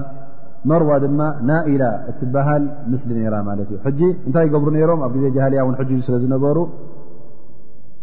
ሳዕይ ክገብሩ ከለዉ ኣብ ሰፋ ንኢሳፍ መፅኦም ንኡ የስተልምዎ ነይሮም ማለት ብኢዶም ደርዝዎ መርዋ ክኸዱ ከለዉ ድማ ነታ ናኢላ ትበሃል ምስሊ ወይ ሰነም ንዓ ይደርዙ ነይሮም ብኣ በረካ ይሓቱ ነይሮም ማለት እዩ ኣብ ግዜ እስልምና ሕጂ እቲ ናይ ጃሂልያ ስለ ዝተረፈ ገለ ኣስላም እንታይ ይብሉ ማለት እዩ እዚ ተግባር እዚስ ናይ ጃሂልያ እ ነሩ ከመይ ጌርና ንገብርዎ ነርና ኢሎም ገለ ቂር ክብሎም ጀሚሩ ማለት እዩ ገሊኦም ድማ እንታይ ሪኦም ኣብ ግዜ ጃሂልያ ውን ኩሎም ኣይኮኑን ማለት እዩ ኣንሳር ብዝያዳ ኣሞ እቲ ዝመፀ ናይ ሓጅ ጠዋፍ ዘድሊ ኣብ ካዕባ ጥራይ ዳኣ እምበር እቲ ካብ ሰፋእን መርዋን ምምልላስ ወይ ከዓ ሰዓይ ምግባር እዚ ነገር እዚ ኣይተሓተትናዮን እዚ ኣብ መንጎ ክልተ ጎቦ ምምላስ እውን እዚ ኣብ ሽርዒ የለን ኢሎም ገለ ናይ እስልምና ኣይኮነን እንታይ ደኣ ናይ ጃህልያ ዝነበረ ኢሎም ክዛረቡ ጀሚሮም ማለት እዩ ላ ስብሓን ወተላ እዚ ጉዳይ እዚ ካብቲ ናይ እስልምና ሸዓኢር ካብቲ ተግባራት ናይ ሓጅ ከም ምኳኑ ንክረጋግፀሎም ማለት እነ ኣሰፋ ኢሉ የረጋግፅ ኣሎ እነ ኣሰፋ ወልመርወታ ምን ሸዓኢር ላ ማለት ካብቲ ኣላ ስብሓን ወተላ ስዒራ ዝገበሮ ማለት ኣድላይ ንክትገብሮ ልክዕ ከም ጠዋፍን ከምቲ ዓረፋ ምኻድን ከምኡ ዋጅብ ከም ምዃኑ ንክጠቕሰሎም ማለት እዩ ኣላ ስብሓን ወላ ይነግሮም ማለት እዩ ምኽንያቱ ወላ ኣብ ልብኹም ኣይሰማዕኩም እዚ ግብሪ እዚ ናይ ጃሂልያ ኣይኮነን እንታይ ደኣ እቲ ዝነበረ ኣስናም እተ ነይሩ ኮይኑ ከምቲ ልክዕ ኣብ ካዕባ እውን ኣስናም ነይሩ ማለት እዩ ስለእትን ስሳን ዝኾኑ ምስልን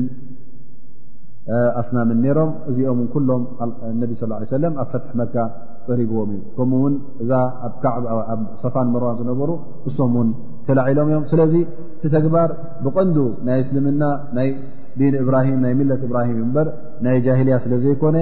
ምንም ቂር ኣይበልኩም ስለዚ ፈላ ጁናሓ ዓለይ ስለዚ ኣበር የብሉን ዘንቢ የብሉን ኣብ ሳዕ ኣብ ሰፋን መርዋን ከትኩም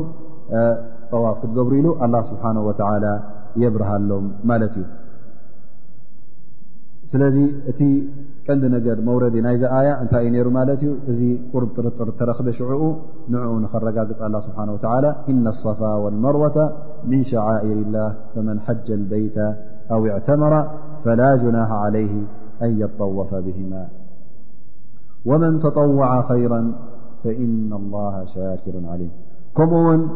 እንተ ሓደ ሰብ ብዝያዳ ተጠውዖ ከረ ዝኾነ ይኹን ሰናይ ኢሉ ዝኾነ ን ሰናይ ተግባር ኣ ስብሓ ዝኣዘዞ እተ ኣብዚሑ ተጠውዕ ናይ ዑምራ ይኹን ተጠውዕ ናይ ሓጅ ይኹን ካልእ ተግባራት ኣብ ሰላት ይኹን ተ ዝኾነ ይኹን ተግባር ተጠውዑ ገይሩ ማለት ፈርዲ ዘይኮነ ዋጅብ ዘይኮነ ግን ተጠውዑ ኢሉ ላ ኢሉ ዝገበሮ ሰብ እተ ሰናይ ተግባራት ዝገበረ ሎ ኮይኑ ፈኢና ላሃ ሻኪሩ ዓሊም ኣላ ሻኪር ማለት ከዓ ኣላ ኣመስጋኒ ዝብል ትርጉም ትዋሃብ ማለት ግን እንታይ ማለት እዩ ኣመስጋኒ ክበሃል ከሎ ኣላ ስብሓን ወተዓላ እቲ ትገብሮ ዘለኻ ሰናይ ተግባር ደራሪቡ እዩ ዝፈድየካ ሻኪሩን ዓሊም ሓደ ነገር እተ ተቐቢልካዮ ተቐቢለየልካ እንተ ኣሚንካሉ እዚ ንገዛእ ርእሱ እንታይ ይበሃል ኣመስጋኒ ይበሃል ማለት ላ ስብሓን ወላ ነቲ ተግባር ትገብርዎ ዘለኹም ኣመስጋኒኡ እዩ ከመስግኖ ከሎ እንታይ ማለት እዩ ነቲ ትገብሮ ወላ ቀሊል ነገር ይኹን ውሑድ ይኹን ንዕኡ ደራሪቡ እዩ ክፈድየኩም ደራሪቡ እዩ ከክንብረልኩም ደራሪቡ ከቐምጠልኩም እዩ ሻኪሮን ዓሊም ከምኡ ውን ኩሉ ትገብርዎ ዘለኹም ይፈልጦ እዩ ይዕበ ይንኣሽ ኣላ ስብሓን ወላ ይፈልጦ እዩ እቲ ትገብርዎ ዘለኹም ኣምረጃህልያ ናይቶ ኣብ ግዜ ጃህልያ ዝግበር ዝነበረ ድዩ ወይስ ካብ ኣላ ስብሓን ወተዓላ ተኣዘዝኩምሞ ድዩ ወይስ ባዕልኹም ቢድዓ ባዕልኹም ዘምፃእኩምሞ ድዩ ሌላ ህልኩም ዲኹም ከትገብርዎ ዘለኹም ወይስ ሰብ ክርእልኩም ኩሉ ተግባራት ኮታ ትገብርዎ ዘለኹም ኣላ ስብሓን ወተዓላ ይፈልጦ እዩ ሻኪሩን ዓሊም ፈኢና ላሃ ሻኪሩን ዓሊም ምንም ነገር ካብ ኣላ ስብሓን ወተዓላ ዝሕባእ የለን ይሕባእ እዩ ኢልኩም ኣይትሕሰቡ ፈመን ያዕመል ምፍቃል ዘረት ኸይራ የራ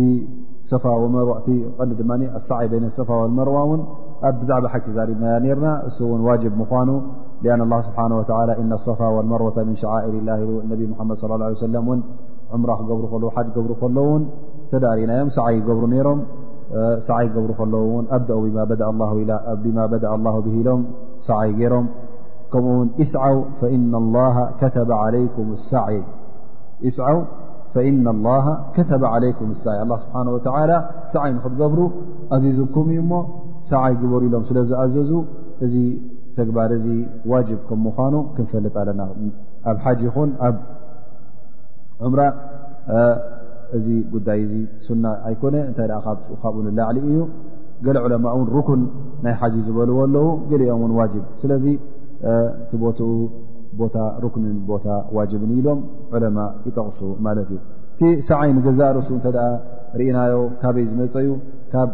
ኣብቲ ናይ ታሪክ ናይ ሰይድና እብራሂም ጠቂስና ነርና ሳራ ኣብ ሰበይቶም ኣብ ሃጅር ኣብ መካ ምስ ገደፍዋ ሽዑ ማይ ምስ ሰኣነት ማይ ንኸትደሊ ስንቃ ምስ ተወደአ ላዓልን ታሕትን ምስ በለት ናብ ኣላ ስብሓን ወተላ ተወጅሃ ኣብቲ ናፍትን ክትደሊ ወዳ ንኸይሞታ ዝገበረቶ ተግባር ነዚ ተግባር እዚ ኣላ ስብሓን ወተላ ንክንገብሮ ኣዚዙና ማለት እዩ ትቐንዲ ነገር ሕጂ ሳዓይ ክትገብር ከለኻ እንታይ ክትገብር ኣለካ ማለት እዩ እዛ ሰብ እዚኣ ሳዓይ ክትገብር ከልና እንታይ እያ ነይራ እቲ ዝነበረቶ ኩነታት እንተ ርእና ማይ የለ ኦም የለ ገረብ የለ ኣብ ፀምፀም በረኻ እያ ነራ ሰብ የብላ ገለ የብላ ኣብዚ ሰዓት እዚ ማይ ምስ ተወደኣ ስንቃ ምስ ተወደእ ላዕልን ታሕትን ክትብል ከላ መን እዩ ምስኣ ነይሩ ኣብቲ ድኽነታን ኣብቲ ፅምኣታን ኣብቲ ጥሜታን ንመን እያ ትጠልብ ካብ ሰብ ክትጠልብ ኣይትኽእልን እያ ሰብ ንገዛእ ርእሱ የለን ፍሒራ ባዕላም ክተውፅእ ኣይትኽእልን እያ ናብ ዝኾነ ኹን ወገን እውን ናብ ዝኾነ ይኹን ሸነኽ ክትከይድ ኣይትኽእልን እያ ስለዚ ኣብቲ ሰዓታት ዝነበረቶ ንኡ እተ ዘኪብካ ኩሉ ልባን ቀልባን ኣብ ምንታይ ነይሩ ናብ ኣላ ስብሓን ወተላ ተወጅሁ እዩ ነይሩ እሳ እቲ ዝነበረቶ ድኽመትን እቲ ዝነበረቶ ድኽነትን እቲ ኣብ ቅድሚ ኣላ ስብሓን ወተላ ትሕትና ገይራ ተቕረበቶ ድዓን ንዕኡ ዘኪርካ እስኻ ውን ሎሚ ኣብዚ ቦታ እዚ ሰዓይ ክትገብር ከለኻ ልብኻ ልክዕ ከምቲ ልባ ክኸውን ኣለዎ ምኽንያቱ እስኻ ውን ኣላ ስብሓን ወተላ ኣብዚ ቦታ እ ፅምእን ጥሜትን ኣይርእኻ ደኣ እምበር ግን ስለምንታይ ኢኻ ንሰፋ ወመሮ ወይ ከዓ ዑምራ ንክትገብር ሓጅ ንክትገብር መፅእካ ዘለኻ ስለምንታይ ኢኻ መፅእካ ዘለኻ ካብ ኣላ ስብሓን ወተላ መቕፊራ ደሊኻ ካብ ኣላ ስብሓን ወተላ ምሕረት ደሊኻ ካብ ኣላ ስብሓን ወላ ኣጅሪ ደሊኻ ኣላ ስብሓን ወተላ ዘንብኻ ቐፊሩ ኣብ ዮም ኣልቅያማ ሰናይ ቦታን ኣብቲ ፍስሃን ራህዋን ዘለዎ ቦታ ንጀና ንኸእትወካ ንድዩ ስለዚ ኣጥቢቕካ ወይ ከዓ ኣዚኻ ናብ ኣላ ስብሓን ወተላ ርእስኻ ድኒንካ ዱዓ ክትገብርን ኩሉ ትምኒትካን ኩሉ ሃንቀውታኻን እቲ ኣጅሪ ምድላብ ክኸውን ኣለዎ ነዛ ነፍስኻ ድማ ኣትሒትካ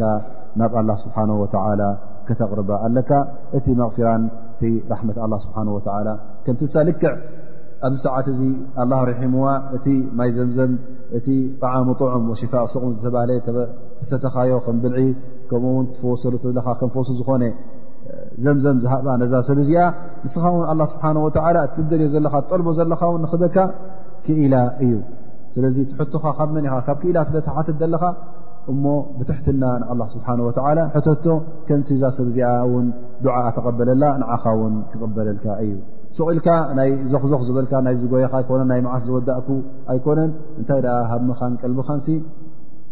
ናብቲ ዱዓ ክኸውን ኣለዎ ናብቲ ኣላ ስብሓን ወተላ ምውጃህ ክኸውን ኣለዎ ثመ የقል ላ ስብሓን ወላ ብድሕሪ ዚ እውን ኣላ ስብሓን ወተላ እንታይ ይብል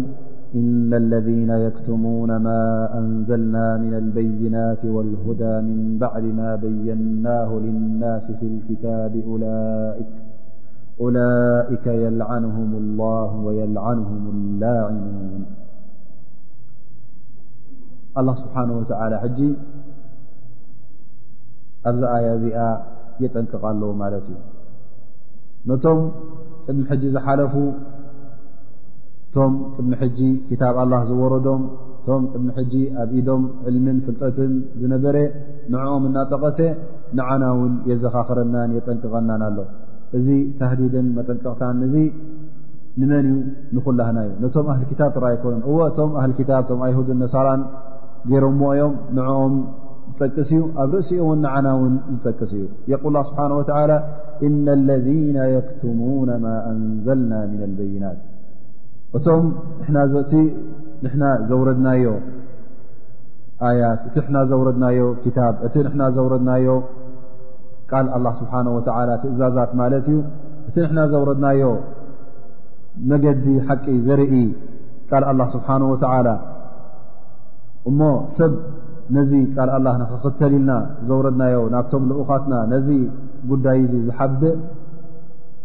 እንታይ ክንገብሮ ኢና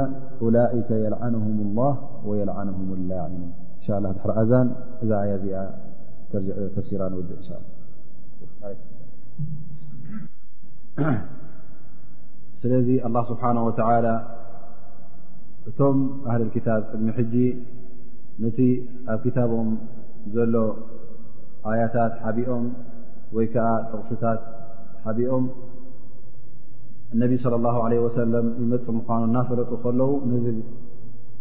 ጉዳይ እዚ ሓቢኦም ወይ ከዓ ጠውዮም ወይ ከዓ ንሰብ ከይነገሩ እዚ ሱ ይኮነን እዚ ኣብ ክታብና ዘሎ ነቢ ይኮነን ኢሎም ክዛረቡ ስለ ዝጀመሩ ነቲ ዲንእስልምና ንኸይምዕብልን ንዑ ንኸዓግቱ ዝፈተኑ ነዞም ሰባት እዚኦም ኣላ ስብሓን ወተላ ይጠቕሶም ኣሎ ማለት እዩ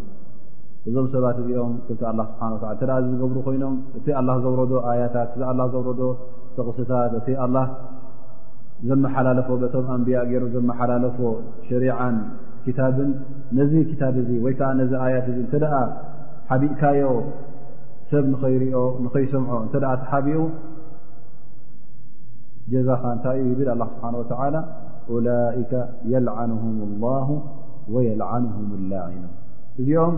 ኣላ ስብሓን ወተዓላ ይልዕኖም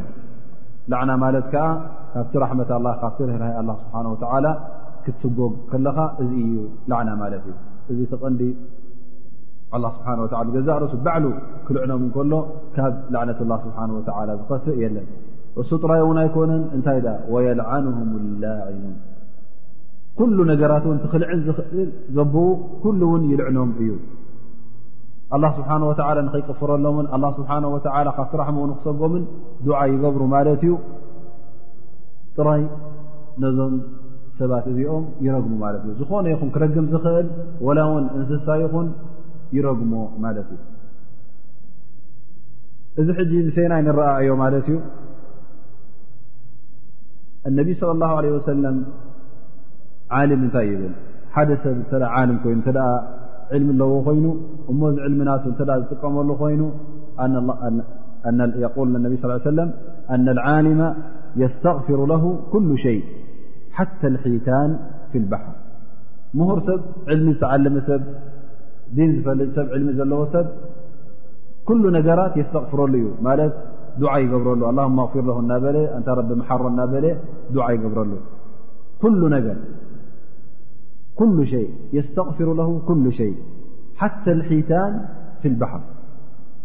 ወላ እውን ተን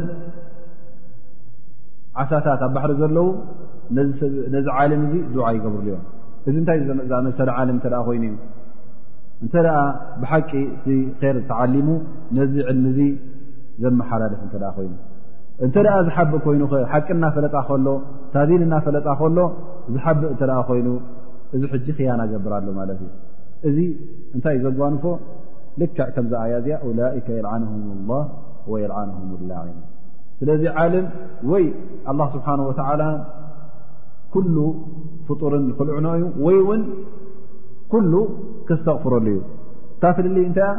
እታ ዘብፅሓ ዘሎ ይሓብእ ካብቲ ተዓለሞን ካብቲ ዝፈለጦን ካብቲ መገዲ ሓቂ ዝፈልጦን እንተ ደኣ ከምታ ዝፈለጣን ከምታ ክታብ ዘላ ዘብፅሓ እተ ኮይኑ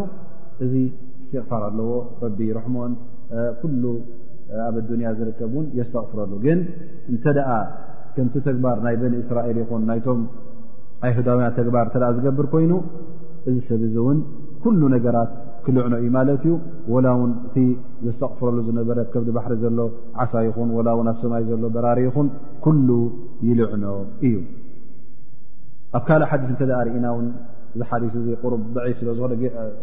ዒፍ ይኹን ግን እዚ ሓዲስ እዚ ቁሩብ ድኽመት ይሃልዎ ወይ ከዓ ደዒፍ ይኹን ዳኣምር ግን በቲ ብብዙሕ ሓዲስ እተ ርእኻዮ ነንሕድሕዱ ተሓዋዊሱ እዚ ሓዲስ እዚ ንጥንክር ስለ ዝኾነ የቁል ነቢ ስ ሰለም የቁል መን ሱኢላ ዓን ዕልሚ ፈከተመ ሓደ ዓልም ፈላጥ ኮይኑ ምሁር ኮይኑ እንተ ደኣ ተሓቲቱ እሞ ነዚ ዕልሚ እዚ እንተ ሓቢእዎ እንታይ ይኸውን ኡልጅማ የውም ኣልቅያማ ብልጃሚ ምናር ኣብ ዮም ቅያማ ብልጓም ናይ እሳት ብልጓም ጀሃንም እዩ ኣፉ ዝልጎም ስለዚ ዓልም ትዕልሚ እተ ዝሓብእ ኮይኑ እዚ እዩ ጀዛናቱ እቲ ዕልሚ ዘብፅሕ ግን ከምቲ ዝበልናዮ ኩሉ ነገራት ኣብ ኣዱንያ ዝርከቡን የስተቕፍረሉን ድዓ ይገብረሉን እዩ ثመ የقል ላ ስብሓን ወተላ ካብዚኦም ማ ካልኦ የውፅእ ማለት እዩ ኣለዉ እተ እዚ ገይሮም እንተ ከይሞቱ ከለዉ ቶባ እንተ ኢሎም እሞ ከዓ እቲ ሓቢኦሞ ዝነበሩ እተ ዘርጊሖም እሞ ከዓ እቲ ዝገብርዎ ዝነበሩ እተ ኣመዓራርዮም ግን ኣላ ስብሓን ወተላ ቶባኦም ይቕበሎ እዩ ፈየል ላ ስብሓን ወተላ ኢላ ለذነ ታቡ ወኣስላሑ ወበየኑ ፈውላይከ ኣቱቡ ዓለይህም ወኣነ ተዋብ ራሒም እዚ እቶም ላዕና ዝወርዶም መን እዮም እቶም ዝሓቁ ዘሎ ማለት እዮም እንተ ደኣ ከይሞቱ ከለዉ ገና ኣብ ህየቶም እንከለዉ እንተ ደኣ ቶባይሎም ግን ካብቲ ዝገብርዎ ዝነበሩ ተግባር እተ ተቆጢቦም እቲ ዝሓብዎ ዝነበሩ እተ ገሊፆም እቲ ሰቲሮሞ ዝነበሩ እተ ከሽፎም ከምኡ ውን ቶባይሎም ውን እቲ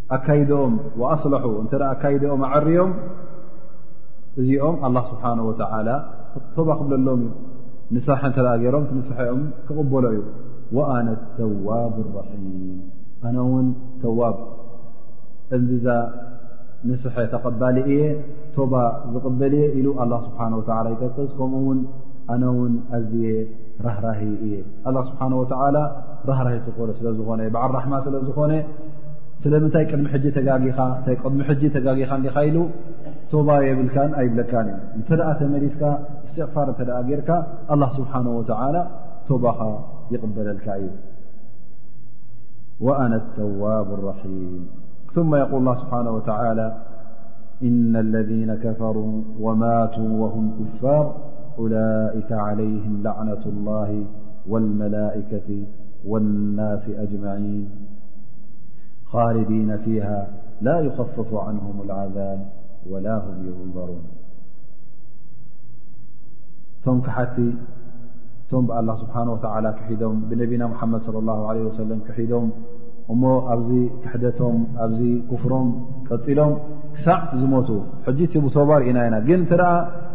እዚኦም ውን እትዋት ማለት እዩ እቶም ዕለማ እቶም ኣስላሚና ዝብሉ ወይ ከዓ መገዲ ሕዝና ዝብሉ ዝነበሩ ነቲ ኣያትላ ዝሓቁ ዝነበሩ ቶባ እተ ዘይበሉ ኮይኖም ውን ነዚኦም ከርክብዎም ማለት እዩ እንተ ሓደ ሰብ ኣብቲ ዘለዎ ጌጋ ቀፂሉ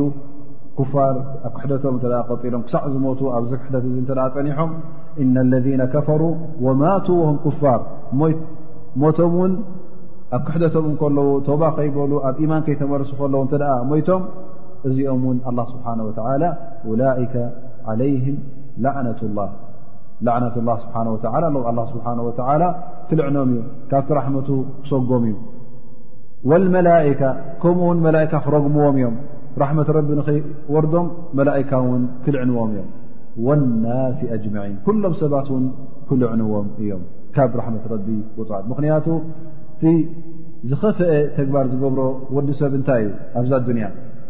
ካብ ክሕደት ካብ ክፍር ዝኸፍእ የለን እታ ዝዓበየ ተግባር እትገብራ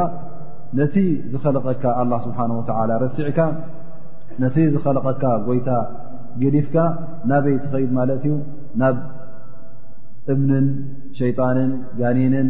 ገረብን ንዑ ከተምልኽ ከለኻ እቲ ኣላ ስብሓን ወተላ ዘውረዶ ነቢ ኣብ ክዲ ትኣምን ነቢ ኮንካንልካ ክትመዝጎ ከለኻ እቲ ኣላ ስብሓን ወተላ ዘውረዶ ክታብ ኣላ ንዑ ኣብ ክንዲ ንምቕባል ንዝባንካ ክትድርብዮ ከለኻ እዚ ዲን ኣይኮነን ሃይማኖት ኣይኮነን ኣነ ከም ድላይ ዝገብር ኣነ ሃይማኖት ዝበሃል ኣይኣምን ነርካ ወይ እውን ኣላ ስብሓን ወተላ ሃይማኖት ዘይቆፀሮ ሃይማኖት ዘይኮነ ከም ሃይማኖት ጌርካ ክትወስዶም ከለኻ እንታይ ትኸውን ኣለኻ ማለት እዩ ስቃ ሕጂ ተኽሕድ ኣለኻ ማለት እዩ እዚ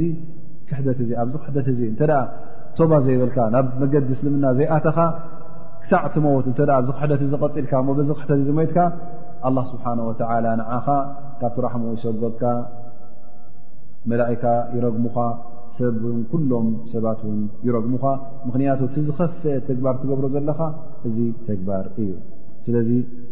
ኩላና ክንጥንቅቕ ይግብኣና ሓደ ሰብ ኣብታ ዲን እስላም ንክመውት ኣላ ስብሓን ወተላ ካብቲ ኢማን ናይ ተውፃእና ኢልካ ኣብቲ ኢማንካ ንክትቅፅል ካቲማኻ ንክትፀብቐልካ ረቢ ንክቕፍረልካ ኣታ ረቢ እዛ እስልምና ሒዝካና ዘለኻ ክሳዕ እንመውት ኣትሕዘና ኢልካ ዱዓ ትገብር ከምኡ ውን ብግብሪ ኣብዚ እስልምና እዚ ቀጥ ኢልካ ትኸይድ ማለት እዩ እዞም ሰባት እዚኦም ውን ከምቲ ኣላ ስብሓን ወተላ ዝበሎ እዚ ላዕና ዘለዎም ክሳዕ መዓስ ኻሊዲና ፊሃ ጌና እውን ኣፍታ ዮም ኣልቅያማ እውን ኣብዚ ላዕና እዚ ክነብሩ እዮም ኣፍታ ሓዊ ጀሃነብ ክነብሩ እዮም እሳ ውን እዚ ዓዛብ እዚ ስቓይ እዚ እውን ላ ይኸፈፉ ዓንሁም ዓዛብ ኣይፋኾሰሎምን ኣይጎድሎምን እዩ ወላ ንሓንቲ ሰዓት ይኹን ኣይጎድልን እዩ ወላ ንሓንቲ ሰዓት ኾን እውን ኣይቅየርን እዩ እንታይ ደኣ ኣብኣ እዮም ዝነብሩ እቲ ስቓይን እቲ ዓዛብን እቲ ዘጓንፎም ሽግርን ቀፃሊ እዩ ወላ ሁም ዩንበሩን ፈፂሙ እውን ካብታ ኣላ ስብሓን ወላ ዝበላ ኣይድንጉን እዩ ኣይፈኩስን እዩ ኣይቃለልን እዩ እንታይ ደኣ ቀፃሊ ዘለዓለማዊ ዝኾነ ስቓይ ኣብ ርእሲኦም ክወርዶም ኢሉ ኣላ ስብሓን ወተዓላ የጠንቅቐና ማለት እዩ ናይ ሎሚ ደርስና ምክን ኣብዛ ኣያ እዚኣ ንጨርሻ እንሻ ላ ዝመዘሎ ደርሲ እውን እታ ሓንቲ ኣያ ተሪፋትና ዘላ ንዓ መሊእና ኣብታ ሓንቲ ገፅ ንኣቱ ማለት እዩ ናይ ሎም መዓልቲ ስለ ዝወደ እንሻ ላ ከምቲ ልምድና እውን እንተ ሓደ ሓደ ዝሓዝናዮ ፍሬታት ኣሎ ኮይኑ ውን ነዚ ፍሬታት እዚ ከም መዘኻኸሪ ክንጠቕሶ ማለት እዩ እቲ ሒዝኩሞ ትኸዱ ፍረ ድማ እንሻ ላ ገዛ ምስከትኩም ውን መዕለሊ ምስተ በዓልቲ ቤትኩም ይኮነኩም ማለት እዩ ሎዓልቲ ከምዚኣ ወላታ ናይ ሎዓልቲ ዝጠቐስና ናይ እሙ ሰለማ ተጠቐስኩም ሎም ውን ዓባይ ፋይዳ ማለት እዩ ምክንያቱ መብዝሕተና ኣንስትና ወይከዓ ንሕና ውን ንገድድ ካብአን እቲ ሙሲባ ክወርድ ከሎ ወላቶም ደቂ ተባዕትዮና ውን ሰብሪ ዘይገብሩ ውን ካብ ትዕግስቲ ዝወፁ ን ካብቲ ኣላ ስብሓን ወተላ ዝሓፀፆ ዝሰግሩ እውን ኣለዉ ስለዚ ኩላና ሓንቲ ዛ ፋይዳ እዚኣ ውን ሒዝና ተኸድና ፅቡቕ ይኸውን ማለት እዩ ስለዚ መና ሒዙ ሎ ፋይዳ ወይ ከዓ ና ባረከ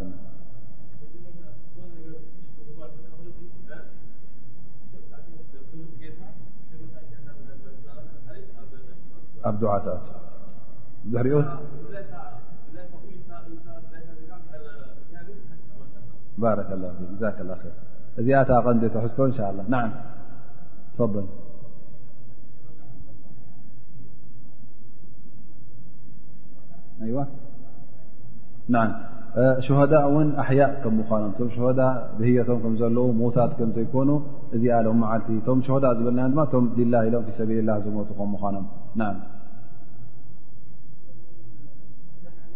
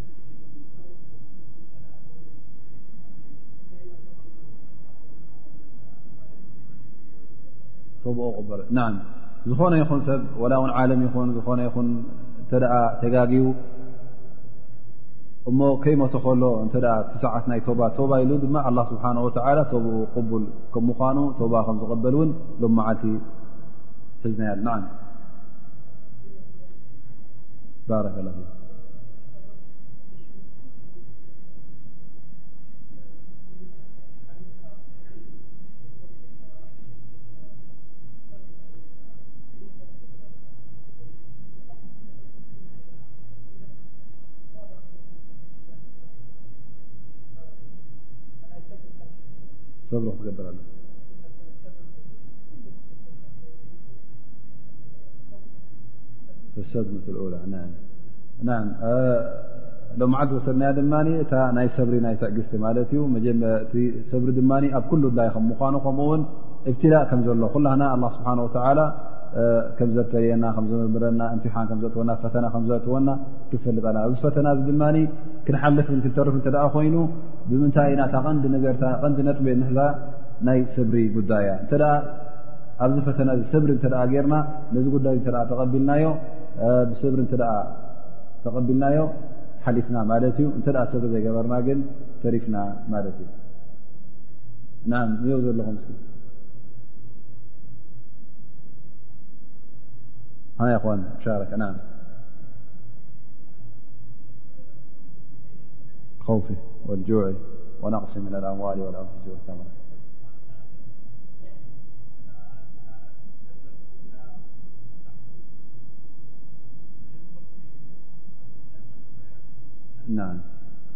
ምን ዓደም ሰብሪ እብል ኣሎ ኣ ስብሓ ወለኩም ሸይ ን ልከውፊ ወልጁዕ ወነቕሲ ምን ኣሰመራት እታ ቐንዲ ነገር እንታይያ ዘላ ገለ ሰባት ስራሕ እንተ ወፅኦም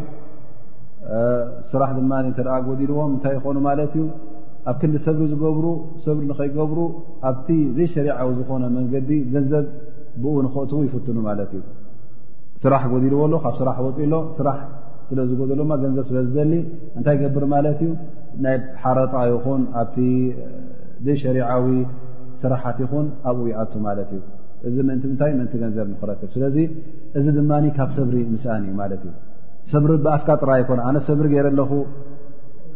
ምባል ብኣፍ ጥራ ኣይኮነን ብግብርኻ ውን ሰብሪ ትገብር ኣለኻን ሰብሪ ትገብር የለኻን ውን ትፍለጥ ኢኻ